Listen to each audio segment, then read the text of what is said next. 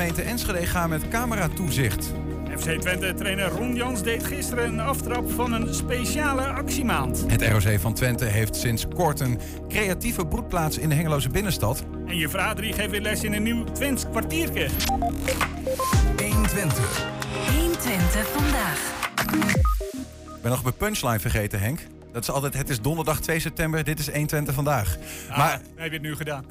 dames en heren, Henk Ketting, u kent hem, hè, van, uh, van het uur wat na ons zit, voor ons zit. Maar dit keer is hij ook bij ons. Dankjewel, leuk dat je meedoet, Henk. Ja, ik doe een poging. Ik hoop dat het goed gaat. En anders je me straks ontslaan om 4 uur. uh, nee. 5 uur. Zijn al lang blij dat je meedoet.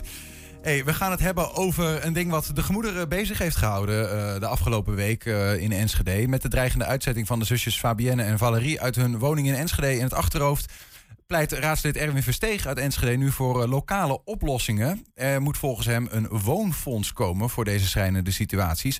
Hij is bij ons in de studio om erover te vertellen. Erwin, goedemiddag. Goedemiddag. Voordat we het over het woonfonds gaan hebben, misschien even kijken naar die aanleiding. Wat maakt nou die situatie van deze twee meiden zo schrijnend?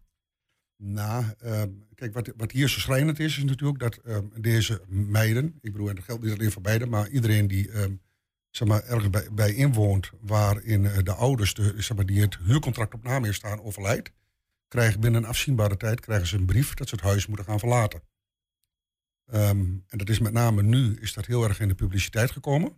Uh, het is al eerder gebeurd in Enschede natuurlijk. En uh, alleen nu is het in één keer landelijk nieuws geworden met allerlei gevolgen van dien. Um, tot aan natuurlijk, um, en dat is wel, dat moet je gewoon veroordelen en ook verafschuwen, de brandstichting bij het kantoor van ons huis. Ja, want vervolgens, dit, dit verhaal is gepubliceerd en, en ons huis zei, ja. weet je, dit zijn de regels waar wij ons ook uh, aan te houden hebben. Ja. Um, en vervolgens kreeg, nou ja, ons huis kreeg een aanslag op, op, zijn, op zijn dak.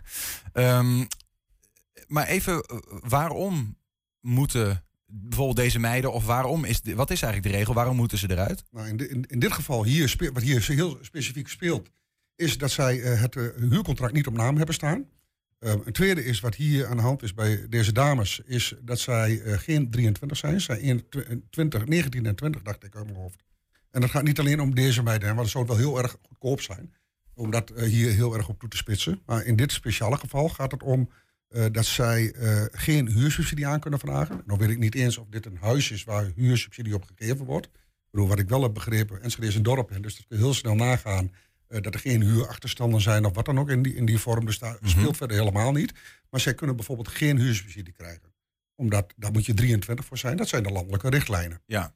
En um, ook met uh, zo, zoveel dingen natuurlijk ook, waar onze corporaties ook meer van doen hebben. Um, ja, zijn het ook landelijke richtlijnen waar wij tussen haakjes ook last van hebben hier lokaal. Um, want en, dat is, dat, is dat het grootste probleem? Want ons huis zegt eigenlijk van ja, in het geval, hè, die meiden uh, kunnen geen huursubsidie krijgen, want ze voldoen niet aan de leeftijdsgrens. We hebben een beller. Even, eventjes, uh, ja, even, moet even de deur open doen. Um, die voldoen niet aan de leeftijdsgrens, kunnen dus geen huursubsidie krijgen. En ons huis zegt dan eigenlijk van ja, daarmee kunnen wij niet garanderen dat die meiden zeg maar duurzaam eigenlijk hun dit huis zouden kunnen overnemen. Want ze kunnen mogelijk wel afwijken van bepaalde regels. Ja, toch? Er, is, er is in 2015 uh, is de woningwet is veranderd. Uh, waarin wordt gezegd dat de gemeente iets meer grip heeft op datgene wat de woningcorporaties kunnen. Dus 95% moet binnen die richtlijnen vallen, omdat de woningbouwvereniging puur sociale huurwoning doet natuurlijk. En 5% is vrij in te vullen, CQ maatwerk. Um, maar weet je, en of dat daar nou in valt, ja of nee, moet ik heel eerlijk zeggen, vind ik als politicus, ja, zo heet het dan, hè, vind ik eigenlijk helemaal niet interessant. Kijk, uh, waar het om gaat is een stukje maatwerk leveren aan onze inwoners. En of dat nou deze meiden zijn, of dat is iemand van 50, 40, dat maakt allemaal niet uit. Weet je, we, hebben, we moeten maatwerk leveren, wij als uh, gemeente. Uh, moeten zorgen voor goede huisvesting voor onze inwoners. Wat is het uitgangspunt van dat maatwerk dan? En dan, ja, ik, ik hou toch even bij dit specifieke geval, dat het zo tot de verbeelding spreekt. Wat moeten we hier als Enschede gewoon willen dat er gebeurt? Nou, ik vind dat wij uh, moeten zorgen dat onze mensen uh, go goede betaalbare huisvesting hebben. Mm -hmm. uh, passend ook bij zoveel mogelijk bij hun wensen. Laat, dat even zeggen. Um, kijk, maar wat hier speciaal speelt en waarom dat. Kijk, het is niet alleen dat wij nu een woonfonds hebben verzonnen.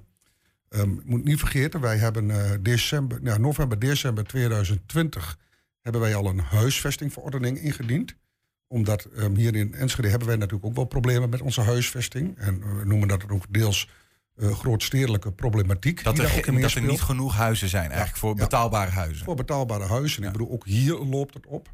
Ehm, maar daarnaast is het ook eh, zo, ook eh, heel veel te maken met de, met, met leefbaarheid natuurlijk in, in, week- in, eh, Mhm. in, in wijken. Dus we hebben reeds een huisvestingverordening gemaakt. Dus wij volgen al wat er gebeurt eh, met huisvesting. Nou, toen dit eh, afgelopen vrijdag in eh, eh, de krant verscheen, ehm, hebben wij een, eh, een oproep gedaan op social media.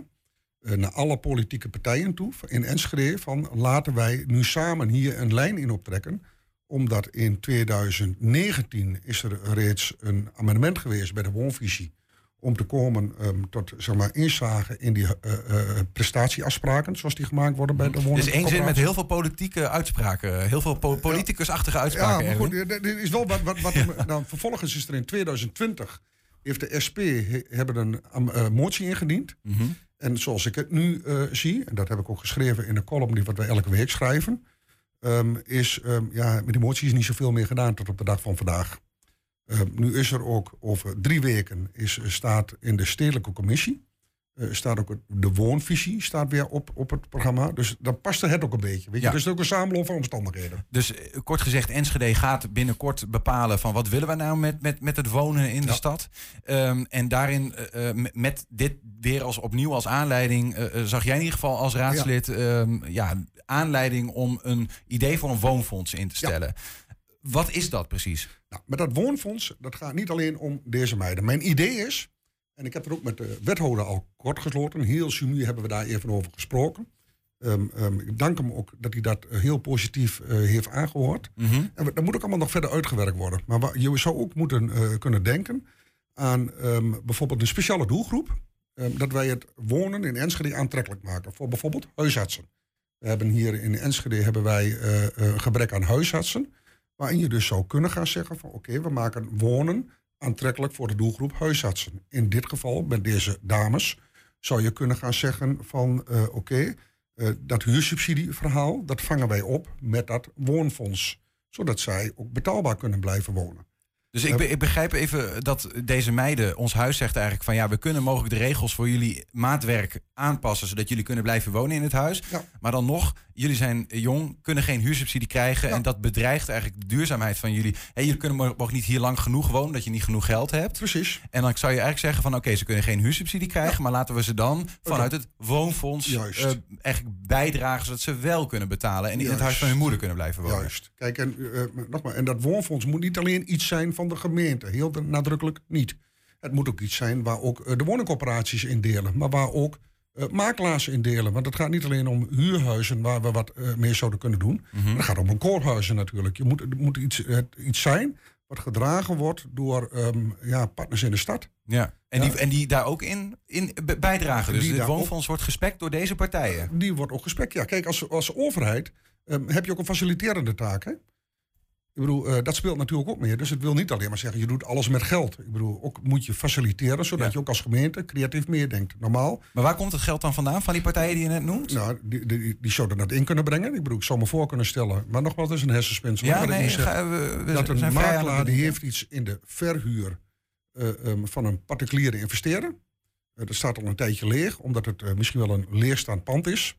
Winkelpand. Nou, ik bedoel, gebeurt ook tegenwoordig. Waarvan je eigenlijk zegt van nou, oké, als we nou aan de bovenkant kunnen laten wonen. Aan de onderkant doen we wonen en werken in één. En dan doen we een tegemoetkoming in de huuropbrengsten. Zodat ehm, dat ook leefbaar blijft. En bewoonbaar blijft. Ik bedoel, beter dan leegstand. Maar stel dat die makelaar dat doet, dan is hij toch ook een beetje een dief van zijn eigen portemonnee? Ja, maar wij allemaal, hè? Ik bedoel, eh, wij, wij als gemeente eh, doen het ook. Hè? Dat is belastinggeld. Dus ehm, op deze manier doen we van alle kanten doen we allemaal wat goeds, toch? En wie, wie gaat er dan, wat in zo'n geval, als we daar zo even over brainstormen, Ja. wie gaat er dan bepalen, ehm, bijvoorbeeld in het geval, en toch even, toch Ja. dat het zo tot verbeelding spreekt, die twee meiden Ja. mogen aanspraak doen op Kunnen daar aanspraak x bedrag voor, van het, vanuit het woonfonds. Wie gaat dat dan bepalen? Nou, dat fonds zelf. Ik vind ook dat dat fonds in beheer moet zijn. Dat moet niet alleen een politiek ding zijn. Absoluut niet.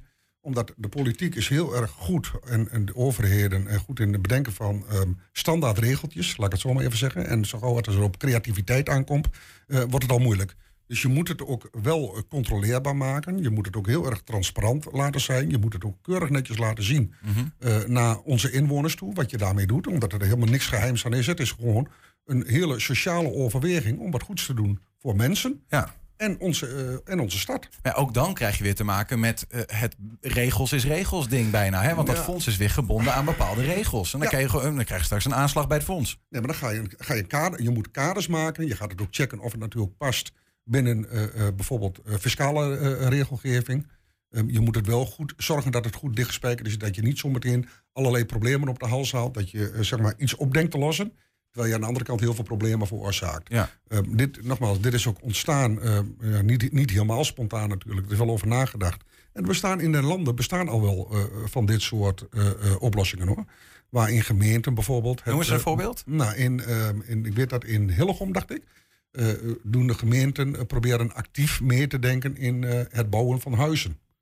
Eh, dus zo kun je het helemaal indelen. Maar nogmaals, het gaat om maatwerk leveren Ja. eh, voor onze stad. Maar hoor ik je nou ook net, je, je noemt ook bijvoorbeeld huisartsen. Ja. Eh, want ja, we, we hebben een huisartsentekort in Enschede. Ja. En eh, nou ja, wil je ze hier naartoe halen, dan zou je ze een beetje moeten paaien als het gaat om huisvesting misschien wel. Ja, Maar een huisarts heeft toch genoeg geld om zelfs zijn huis te betalen? maar als ze, net, als ze net van school afkomen, hebben ze studieschuld. Ik bedoel, ze, kunnen ze problemen hebben met bijvoorbeeld het verkrijgen van een hypotheek. Nou, dan zou je dat ook kunnen doen. Kijk, je gaat ook zorgen voor een goed ondernemersklimaat. Mhm. Dus waarom trek je dat dan niet verder met... eh, kijk, uiteindelijk is een huisarts, koopt een huisartsenpraktijk, is toch ondernemen? Dus daar zou je ook eh, wat breder kunnen kijken van hoe zorg je dan eh, voor een goed ondernemersklimaat, ook voor deze huisartsen. Heb jij een beetje, een beetje rondgescharreld in de raad om te Ja. kijken hoeveel steun je kan vinden? Ja, ja ik heb eh, wat rondgescharreld in de, in de raad. Het zijn positieve geluiden, eh, eerlijk gezegd. Ehm, Had maar je het niet verwacht? Mm, ja, weet je, niet verwacht. Eh, Als ik terugkijk naar de, de ideeën die wat we opperen, eh, niet altijd natuurlijk. Nee, maar in dit is flauwekul.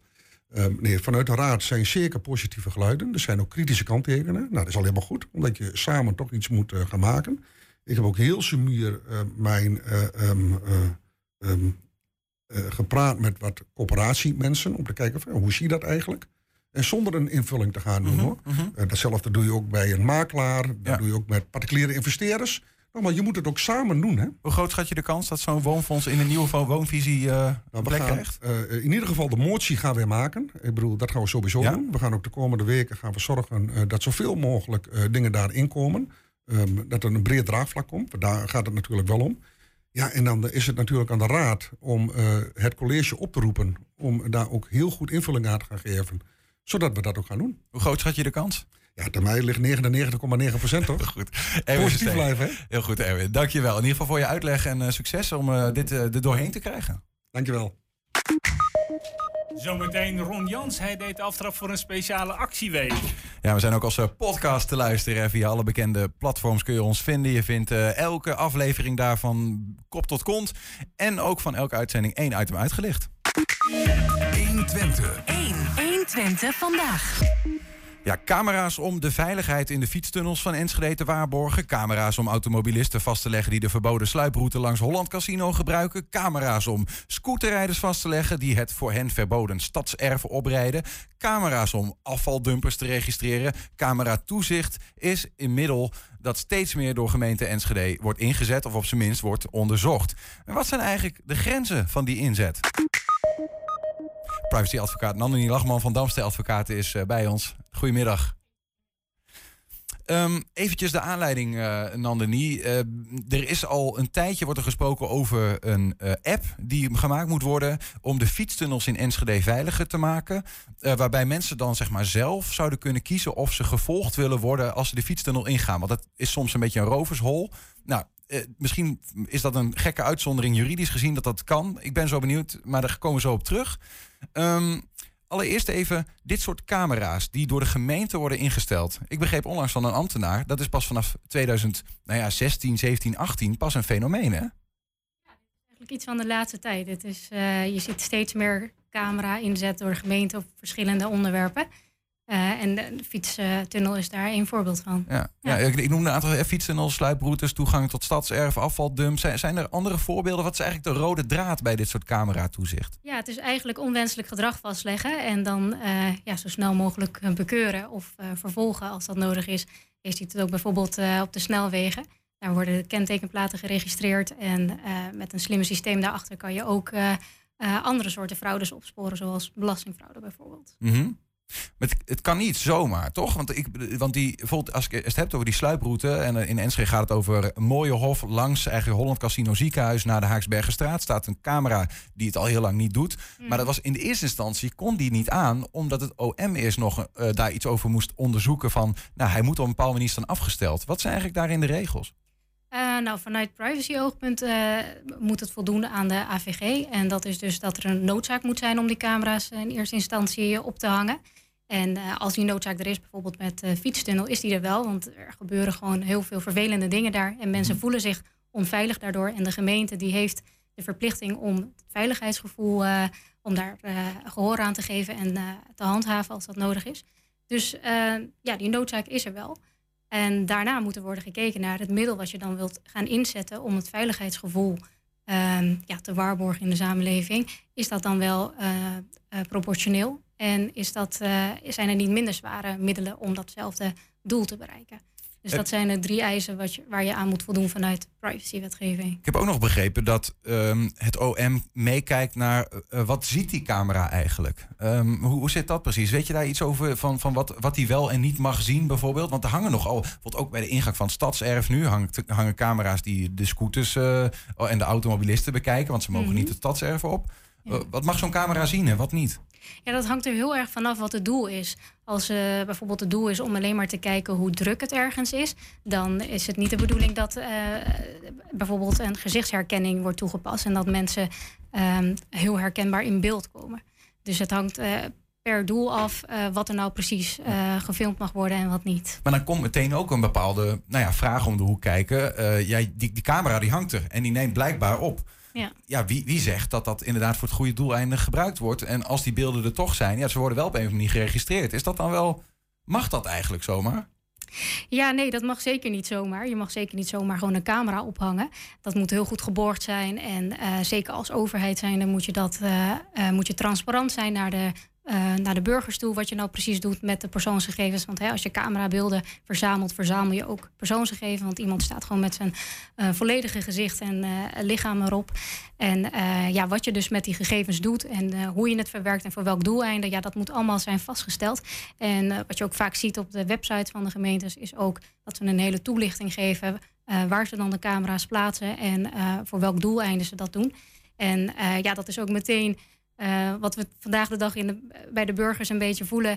Dat ze eh, daar niet alle vertrouwen in hebben. Dat de overheid dat heel netjes misschien eh, doet. Nou ja, een voorbeeld natuurlijk. En dat geen camera toezicht, maar de wifi-trekking in Enschede. dat, dat, ze telden eigenlijk hoeveel personen komen ergens langs. Ja. Maar dat ging dan met een unieke code, waardoor eigenlijk de, nou ja, de, de, de, dat mocht niet, omdat er gezegd werd, eh, jullie kunnen precies zien welk persoon op welke plek is. Ja. Ja, dat, dat mocht dan weer niet. Nee. Maar cameratoezicht eh, mag dan weer wel bij het stadserf. Ja, is daar een dat- verschil? Dat heeft te maken met eh, de, wifi-tracking. Dat wordt dan echt een personeel volgsysteem. Want je kan personen volgen, zeker mensen die dan in de stad wonen. En als zij dan eh, van de ene plek naar de andere plek verplaatsen... en een tracker kan dat allemaal vastleggen... dan kan je iemands hele patroon in kaart brengen. Dus het wordt echt een volgsysteem. En met de camera leg je alleen maar eh, het gezicht of eh, het lichaam van iemand vast op een bepaald moment. Maar waar die daarna vervolgens naartoe gaat, dat weet je niet. Dus het is geen volgsysteem. Dus daar zit nog wel verschil in. Nou ja. En- ja, ik zie wel mogelijkheden hoor. Ja, We leven in nee, dat kan 2021. ook wel. Ja, je kunt allerlei gezichtsherkenningstechnieken toepassen. Ja, ja, en dat is ook hè, een van de grootste zorgen bij de burgers. Dat, eh, we noemen dat function creep. Dus dat de overheid eigenlijk de middelen die ze nu inzetten om een bepaald doel te bereiken, op een gegeven moment ook voor een ander doel gaan gebruiken. Ja. En eh, ja, dat zie je ook eh, steeds meer gebeuren. Want bijvoorbeeld met eh, camera's die op de snelwegen hingen, dat was eigenlijk alleen maar bedoeld om snelheidsovertredingen vast te leggen. En ja, die mensen dan te beboeten. En nu zie je dat het eigenlijk voor hele andere toepassingen ook heel handig kan zijn. En ja, de vraag is nu eigenlijk hè, of, of veiligheid altijd ten koste moet gaan van privacy. En hoe dat dan samen kan gaan.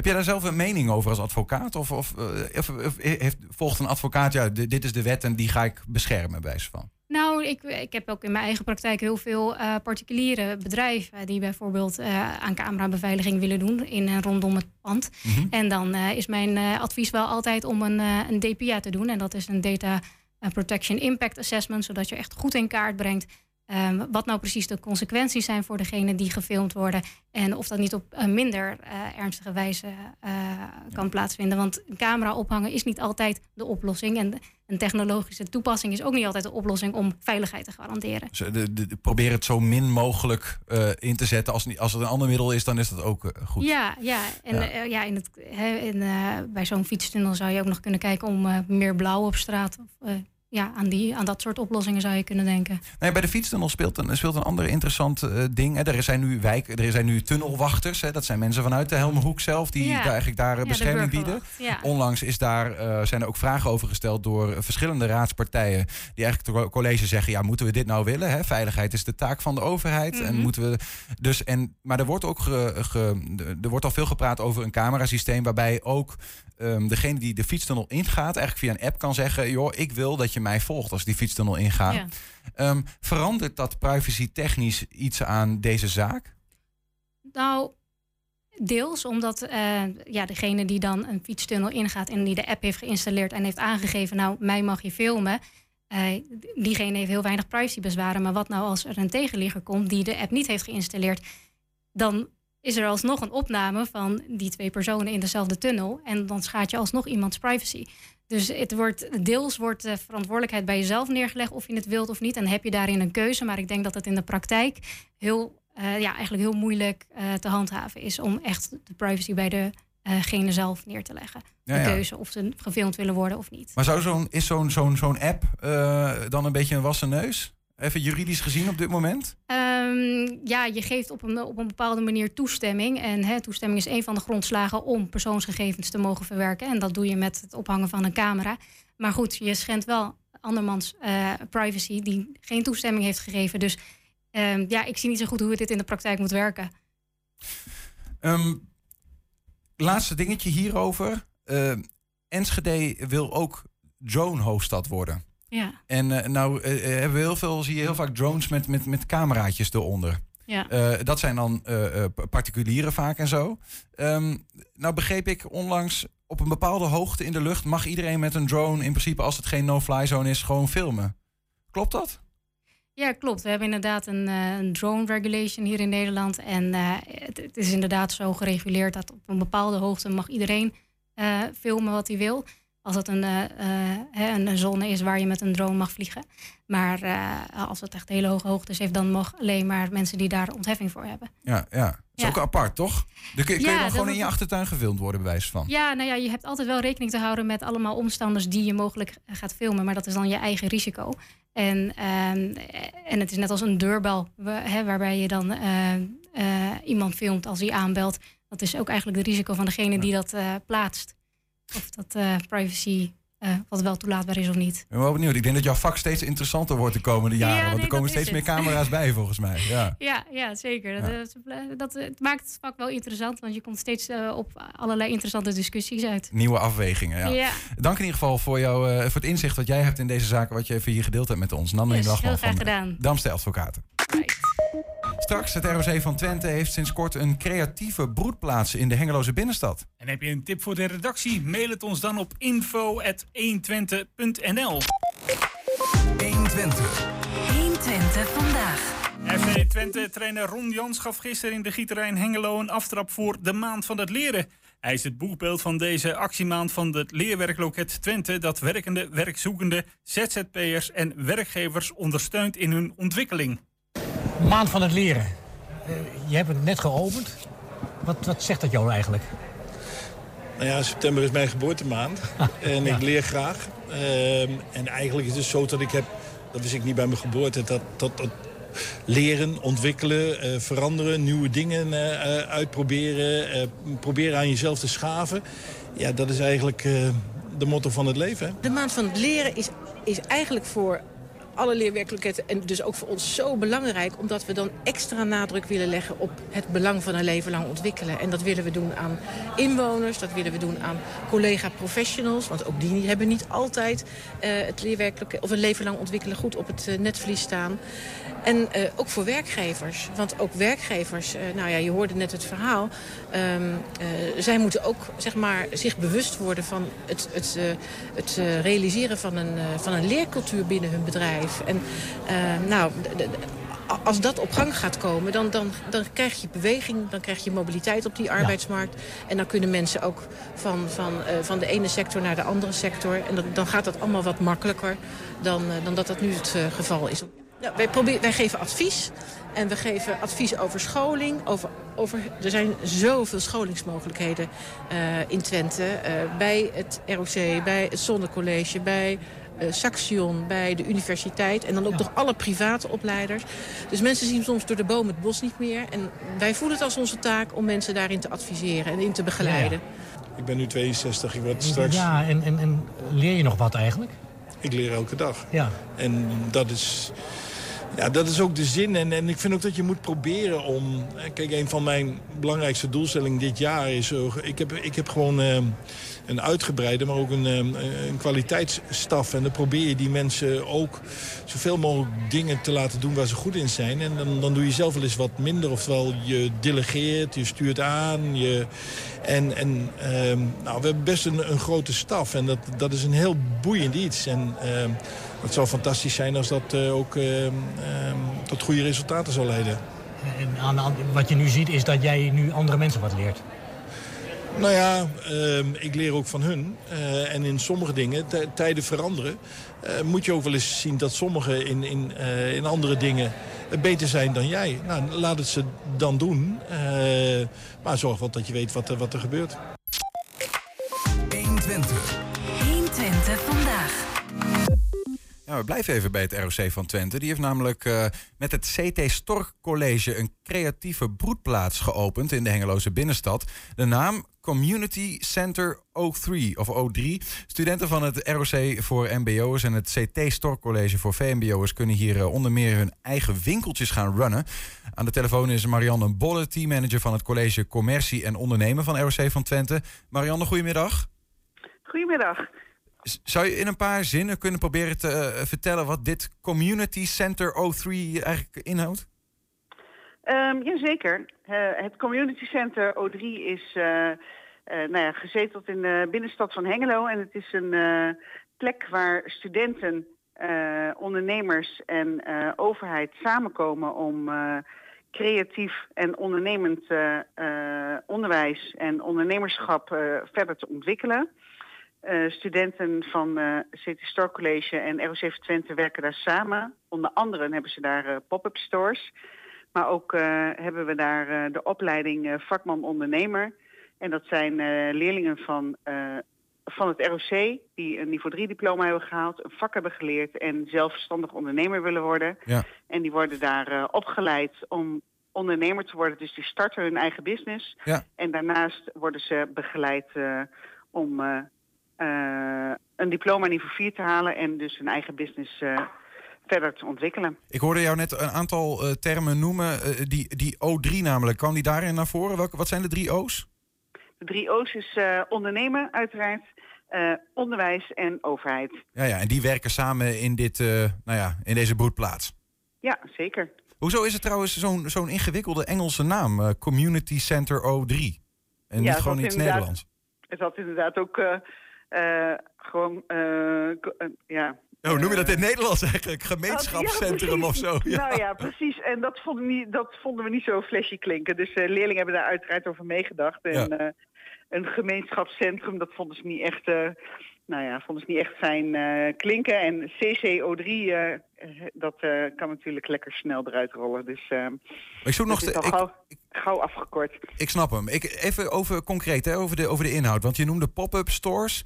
Um, is, is er, zijn er nog meer voorbeelden van zaken die daar plaats gaan vinden?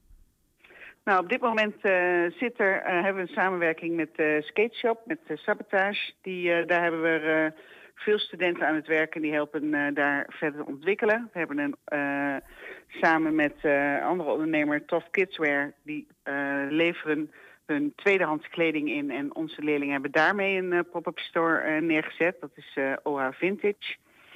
Het VMBO heeft met studenten twee winkels die ze de komende tijd gaan ontwikkelen. Die hebben een samenwerking met Tony Chocoloni en met Bamboo Basics.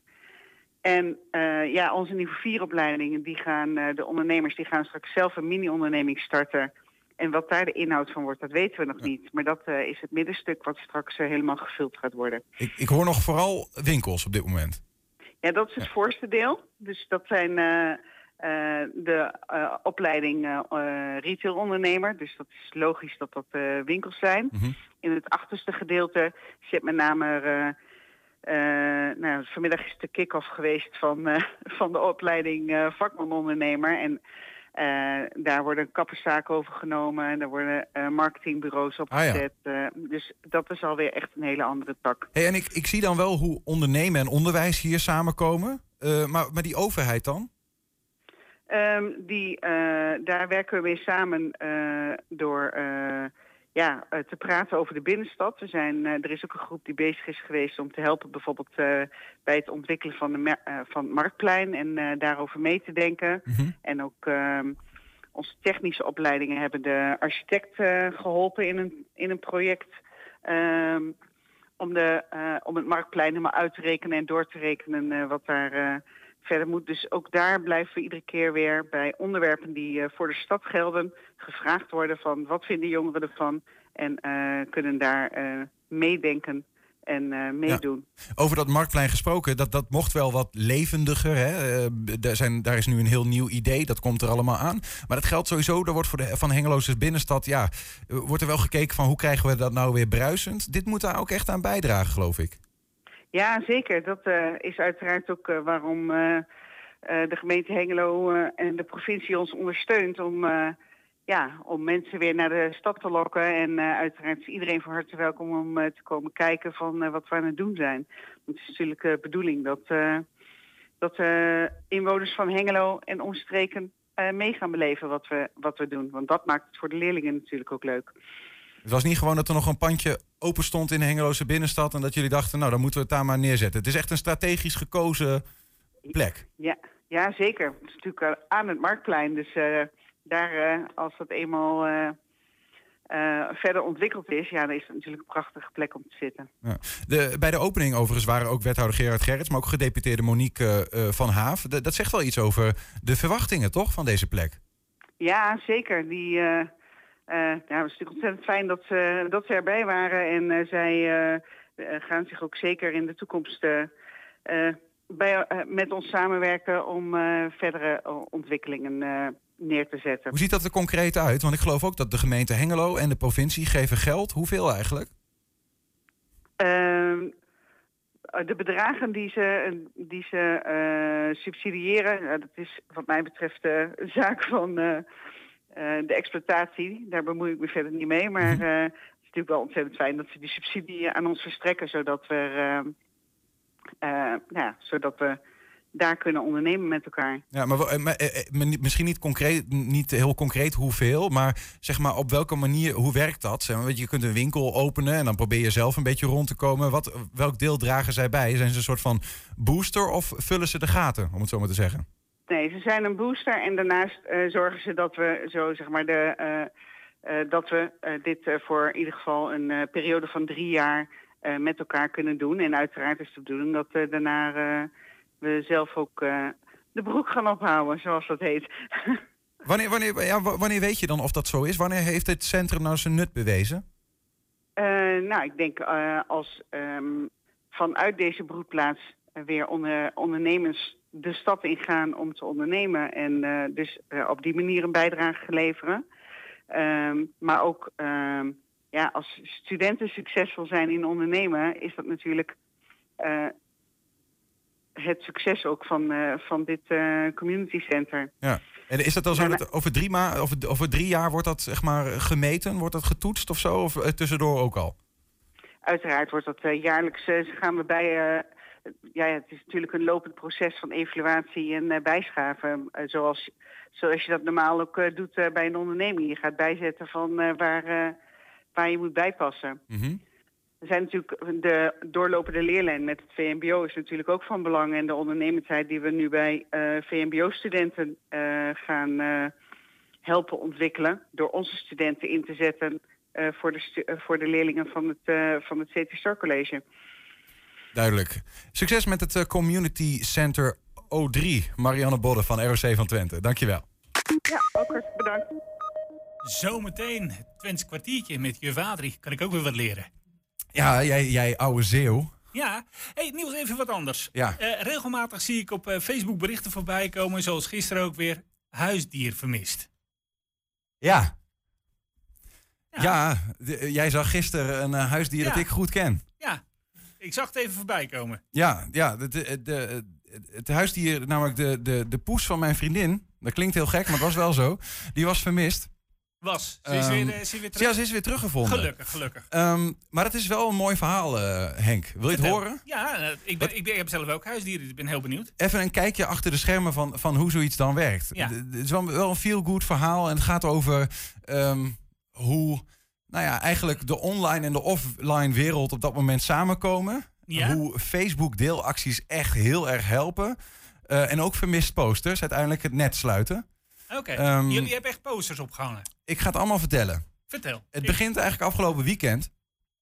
Ehm, afgelopen weekend toen eh, was mijn vriendin weg. En op een gegeven moment, eh, op, zij heeft een luikje waardoor je kunt zien eh, of de kat binnen is of niet. Ja. En op een gegeven moment op zondag zag ze, ze is al, deze, deze poes, Jaris heet ze, is al 24 uur niet binnen geweest. Uiteindelijk hoorde ze op zondag ook, hé, hey, ze is weer binnen. Maar vervolgens ging ze ook weer weg. Dus mijn vriendin heeft haar niet gezien, haar, de- deze, deze kat. Nou, ehm, uiteindelijk op maandag eh, was ze al 24 uur opnieuw weg. En eh, nou, dat is toch een beetje gek, want deze poes is niet zo vaak zo lang weg. En nou, ga je toch een beetje zorgen maken en eh, nou, al een beetje rondkijken. Nou, je denkt, nou, misschien komt ze wel weer terug. Hè. Ze was eerder ook 24 uur weg geweest, maar ze kwam niet terug. En eh, dinsdag nog meer zorgen, want nog steeds niet terug. S'avonds eh ging ze zoeken in de buurt, maar zonder resultaat. En dan moet je toch eh, op een gegeven moment dinsdagavond, als er inmiddels nou ja, meer dan anderhalf dag verstreken is, een vermist poster gaan maken. Ja. Ehm, ik heb deze poster gemaakt. En kan je vertellen, dat is vervelend. Als je zo'n poster maakt waar je eigen eh poes op staat en je, je, je, je zet er een woord vermist erbij. Dat, dat heeft iets raars. Je moet een drempel over. Eh, maar je doet het. En eh, ja, het is nou eenmaal noodzakelijk. Woensdagochtend. Nou, nou, zijn we inmiddels nou, tweeënhalf dag na de vermissing, zeg maar. Ehm, eh, ga je die dan online verspreiden. En dan gebeurt er iets bijzonders. Eh, voordat ze dat fysiek ging rondbrengen. Want je zet dat, eh, ze zet dat op Facebook in de apps. En dan zie je in één keer hoe ontzettend vaak dat gedeeld wordt. Na tientallen keren. Ik denk misschien wel honderd keer als je alles bij elkaar optelt. En daarachter zitten ook weer mensen die delen dat ook weer. Ook onbekenden. Ja. Weet ik veel wat allemaal. Ehm, en nou ja, dat op zichzelf is al interessant. Dan krijg je ook allerlei reacties. Ik kreeg reacties uit de buurt, want haar telefoonnummer stond op de poster. ehm, die hij appte van, oh nee toch, deze kat. En ik zie er altijd zitten. En ik noemde haar meisje als ik er langskwam. En nou, je ziet in één keer hoe, hoe mensen eh, nou ja, met elkaar verbonden raken. En ehm, toch leverde het niks op. De hele woensdag ehm leverde het niks op. Eén keer was er een moment, kat gevonden. Dus eh, nou, wij kijken, kat gevonden. Rode met witte kat, net als Jadis. Maar goed, ehm, bleek een ander. Was toch niet... wa- Bleek en- in één keer een kaart. ja, je hebt toch allemaal hopium in je. En je dacht, Ja. ja. misschien ziet ze er een beetje vers verslorend uit, weet je wel. Misschien is het er toch, maar dat was er niet. Ehm, nou ja, nou, langzaam eh, wordt het wel steeds heikeler natuurlijk. Hoe langer ze weg is, hoe meer je denkt, ja, misschien, eh, ja, weet je, je weet, je weet niet waar ze is. Je- totaal geen idee ehm, wat er aan de hand is. Misschien zit ze ergens in een schuurtje, hè? dat zou ook maar zo kunnen. Ja. Ehm, en op woensdagavond is het moment dat eh Anne Wil, mijn vriendin, besluit om posters te gaan rondbrengen. En ja, dat is ook weer een drempel die je over moet. Want dan moet je die posters echt in de buurt gaan ophangen. En je ziet die posters wel eens, maar nu is het je eigen kat.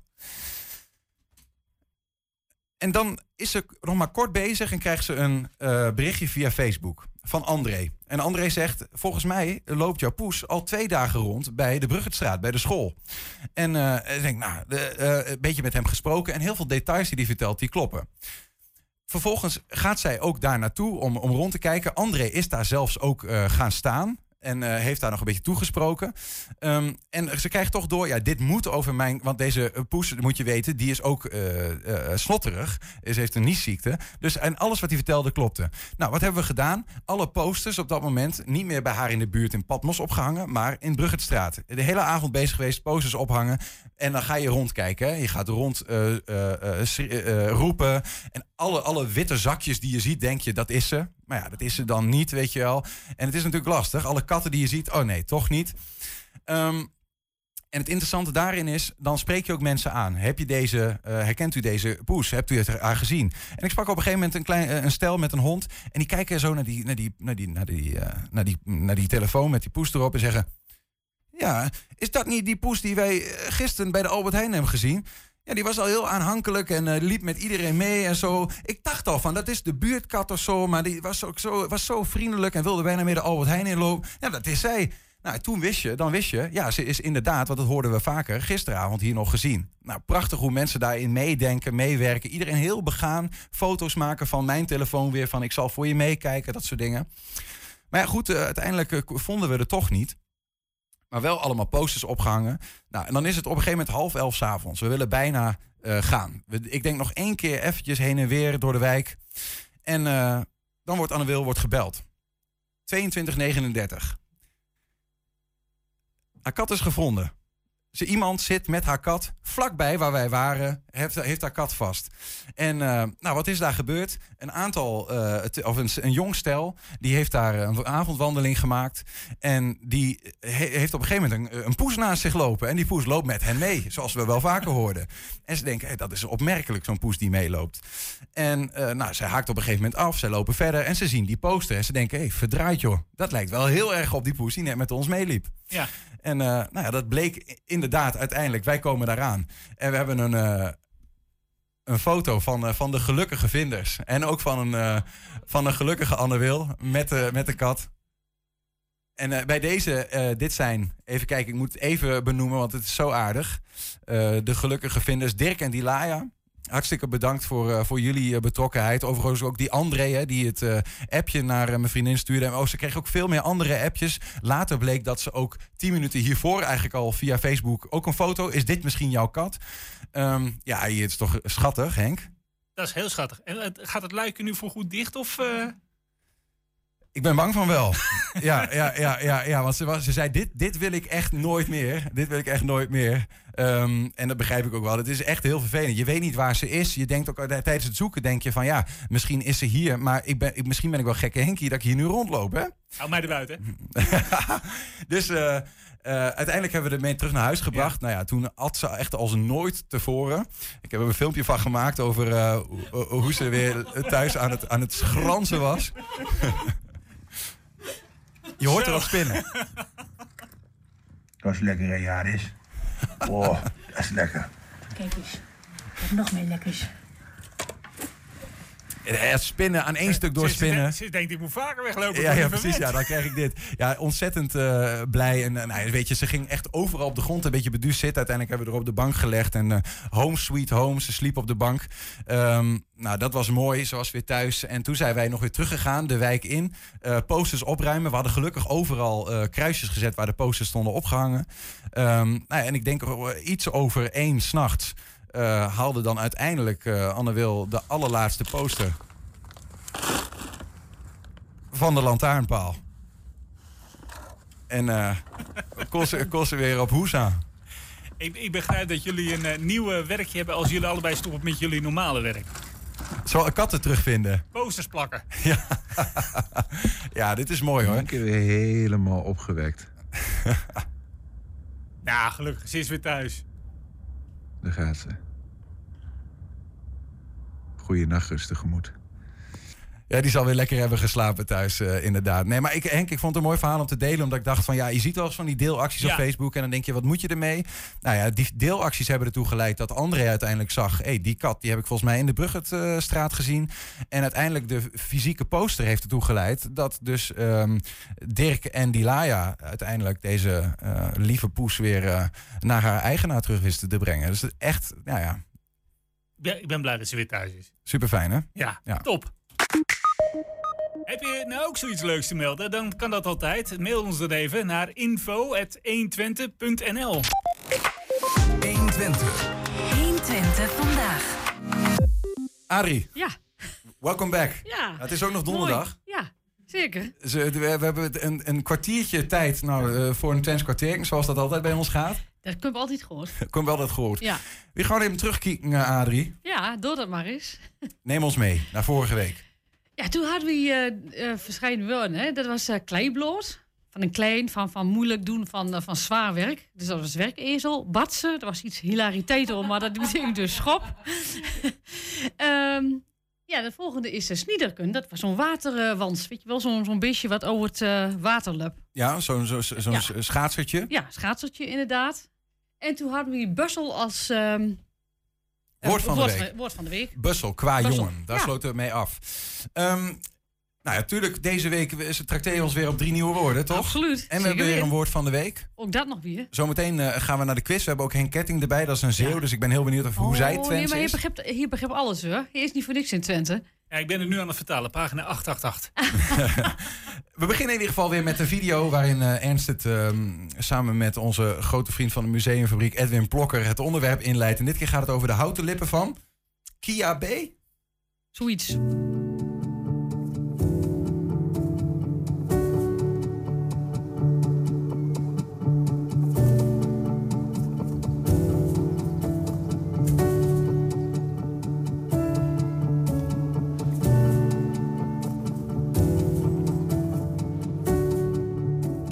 Edwin, goeie, goedemiddag. Goeie, goeie, goedemiddag. Waar staan we hierbij, joh? Wat is dit? Ja, ja, ja dat is wel, wel iets. En ook als je de teksten hier kijkt, dan denk je van... dit is uit een volkomen andere tijd. Echt? Waarover je over andere mensen spreekt. Um, maar het is wel ja, bijzonder om te zien, dit. He, dit, is, dit is van een, een, een tentoonstelling... Uh, uh, waarin een stam mensen naar Enschede is gekomen en die kon je bezichtigen.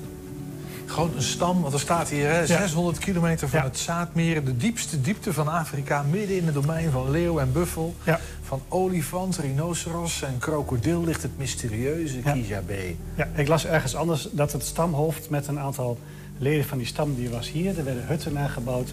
Uh, kon je zien hoe ze aan het spelen waren, aan het dansen waren, aan het werken.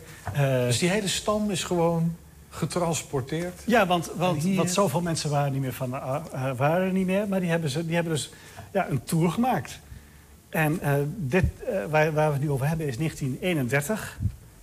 9, 10, 11 en 12 mei 1931 kon je in Enschede deze stam komen bekijken... in het Tivoli, uh, Oldenzaalstraat in Enschede. Dus wij hoefden niet naar Afrika. Ja. Afrika kwam ja, naar ons. Ja, ja, ja. En dat was best wel, uh, uh, best wel uh, ja, in, zeg maar, om naar andere, naar, andere, culturen te kijken en zo. En, dus alsof je naar een dierentuin gaat. en vroeger had je ook gewoon dierentuin, ook wel waar mensen te zien waren. maar dat was dan heel normaal, dus dat je ook naar een stam ging kijken. Ja. als het ware dat je naar een dierentuin gaat. Ja. Onvoorstelbaar, dat is echt ondenkbaar in onze tijd natuurlijk. Ja, ja, ja. Maar toen was dat en dat is nog niet heel, zo heel erg lang geleden. Nou ja, dit is dan een stam uit, uit, uit, uit Afrika met, met hele bijzondere uh, kenmerken ook nog. Hè, dat die lippen die zijn helemaal, er zijn zo schotels zijn erin gemaakt. Maar ik las ook dat zo rond 1900 is er nog een expositie geweest in Amsterdam. En uh, hadden, uh, er werden dorpen nagebouwd uit Suriname en uit Nederlands-Indië. En dan kon je Surinamers gaan kijken. En dan, kon je, dan zag je Javanen, Sumatranen. En dan kon je een kaartje kopen. Kon je, kon je, kon je Surinamers gaan kijken. Ja, dat is toch te gek voor woorden eigenlijk, hè?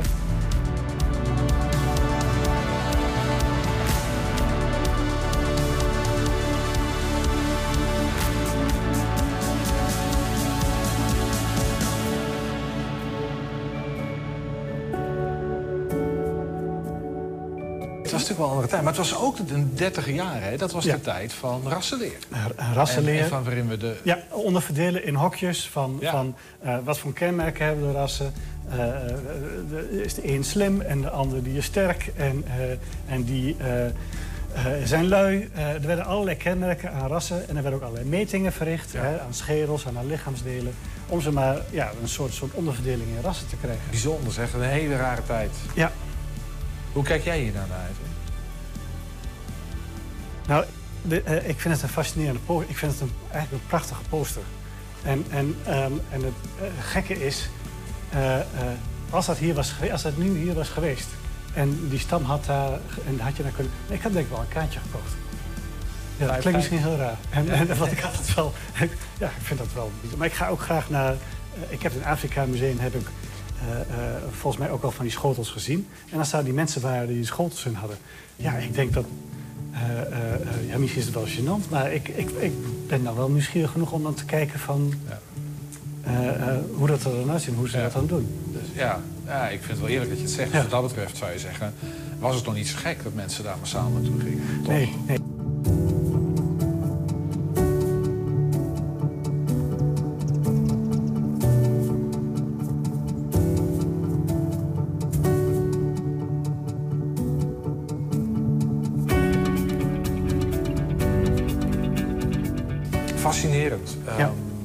Ja, nee, ik zat te denken, er is veel veranderd in de wereld. Als je, hè, van hoe we als volkeren met elkaar omgaan. Ja. En aan de andere kant kun je dat ook afvragen. Misschien ook wel helemaal niet. Nee, nee.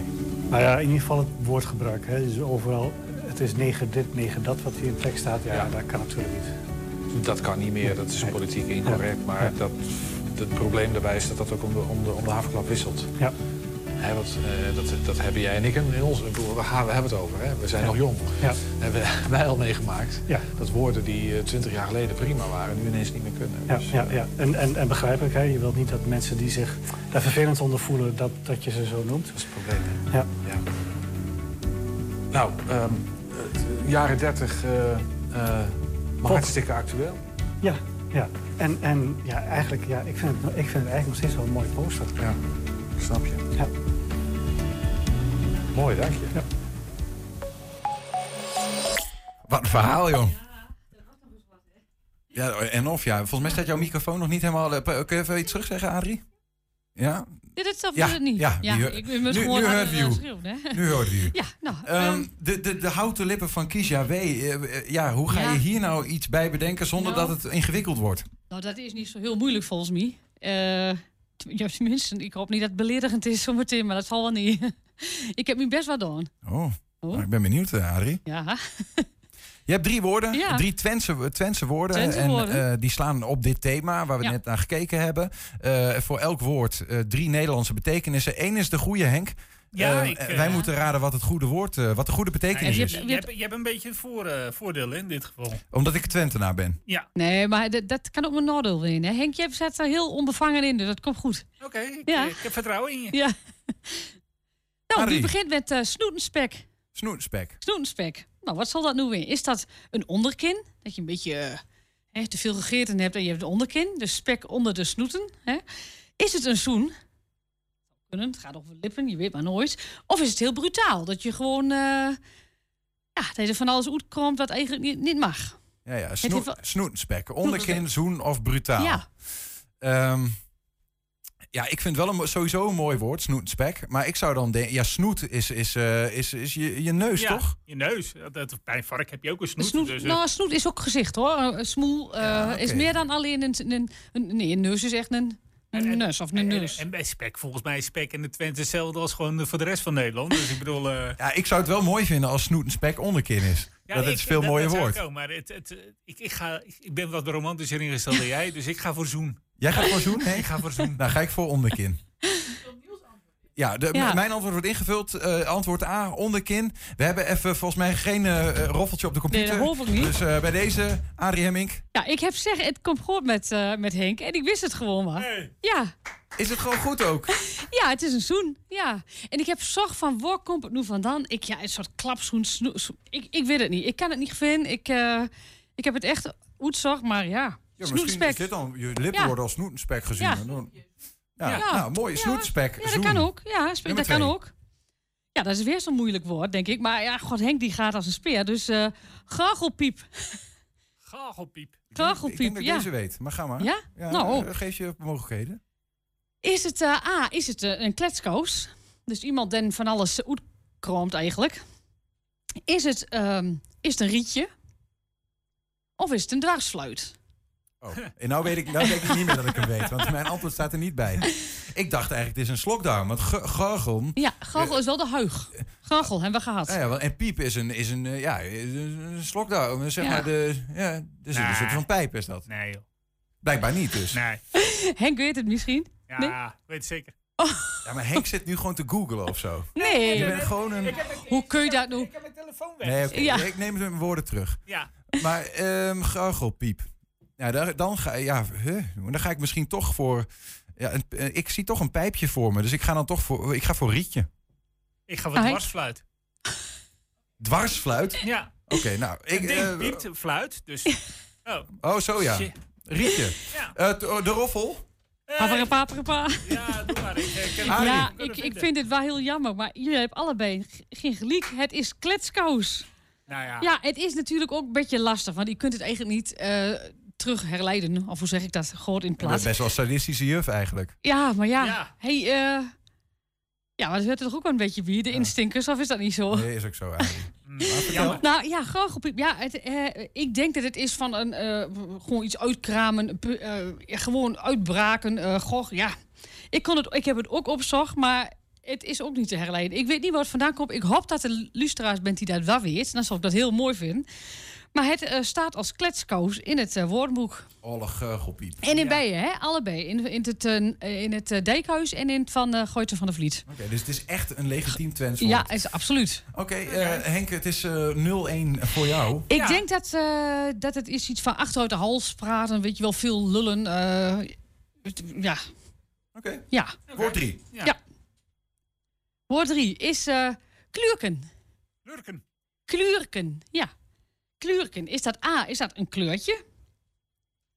Is dat B, is dat eh klunzen? Van iemand die een beetje, nou ja, het is wel klunzig natuurlijk dat je mensen gaat kijken. Of is het gluren? Dat is natuurlijk ook wel, was wel een beetje... Wij vinden het nu heel bijzonder. Ja, ja. Toen was het misschien wel heel gewoon, omdat het gewoon in die context moet ook plaatsen dat natuurlijk. thema maar dat, dat mensen bijvoorbeeld de Surinamers gingen bekijken. ja, ja, ik vind het zelf heel gek, maar dat is met Ja. de kennis van nu natuurlijk. Hè? Ja, dus, eh, zal, zal ik als eerste gaan? Ja. Kan, jij, het, eh, kan jij het goede antwoord geven? Ehm, als je over kleurken hebt, en ik ga dan even denken, dan is het een kleurtje, denk ik niet. Want dat- is. eh, klunzen, of klunzen, klunzen, ja. ja, dat, dat, het hele woord ken ik al niet eens, dus dat schiet al lekker Klunzen, op. klungelig, klunzen. dat je Oh, stuntelig. is- Weet je wel dat het een beetje stom, ongemakkelijk Ik is. dacht dat het Twents was in plaats van Nederlands. Nee, nee, nee, nee, nee. En ik ga voor gluren. Klurken, ja, dat vind ik wel een beetje gluren. Gluren, kleurken. Ja, dat, ik, Henk, ik ga bij deze toch niet met je mee. Ik ga er dan voor kleurtje. Ja? Ja, eh, kleur, kleurken. Een kleurken. Eh, die hebben Kleur- kleurken. Ja, Klurken, ja, die heeft een, kunnen. kleurtje. Ja, wie Dus wacht ik af, ga wie voor wacht antwoord af. A. Maar Ja, ik zei. Arie, Ja, Yes! Goed. Ah. Ja, het komt van kleur. Dan heeft een kleur, kleurken.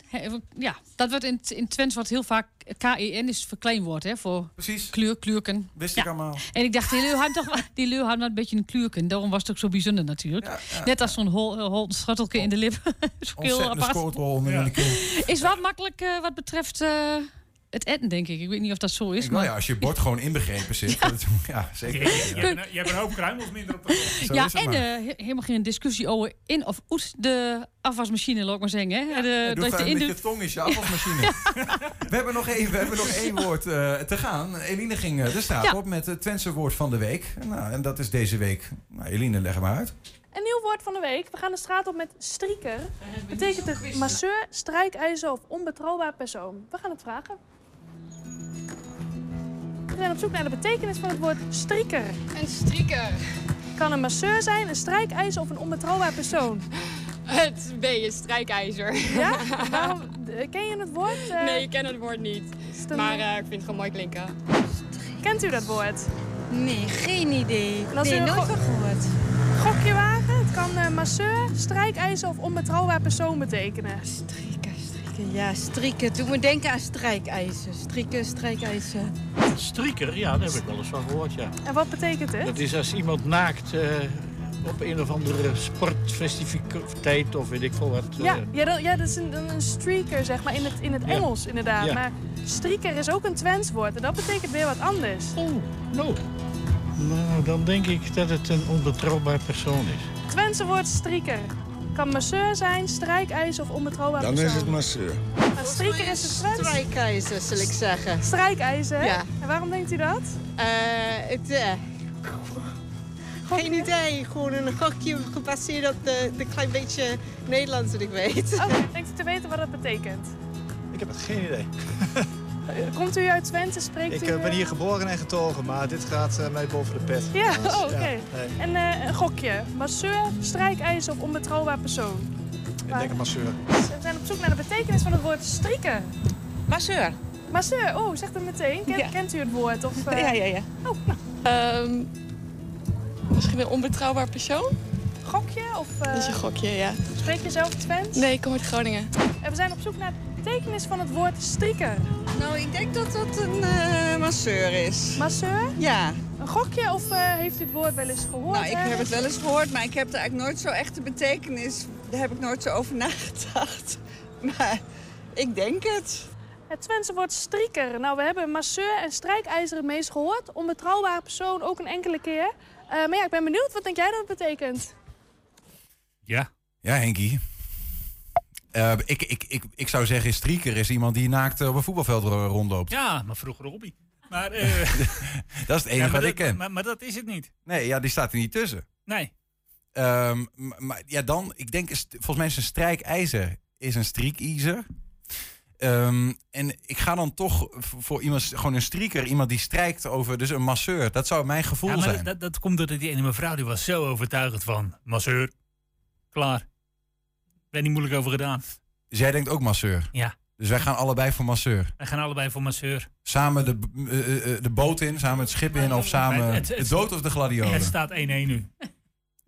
Arie. Ja, jullie hebben wel gelijk. Een strieker is een masseur. Maar ook, ehm, ook bijvoorbeeld als je nou een, eh, iemand gaat en eh, een handoplegging doet of zo. Dan zeggen ze ook, ah, dan eh, wordt even naar de strieker. Dus het heeft wel iets meerdere betekenissen. Althans, in mijn beleving. Ja. Dat ik het heb gehoord. Dus je hebt ook wel een beetje schemergebied natuurlijk. Hè? Want eh, ja, helpt het wel of helpt het niet? Dat weet je natuurlijk niet. Nee, wanneer is Eh, iemand wel een strieker en wanneer eh, ja, is het een maar eh, het, is ook voor de eh, fysiotherapeut of de masseur of, eh, of iemand ten eh, iets, iets meer eh bovennatuurlijks eh, zal kunnen.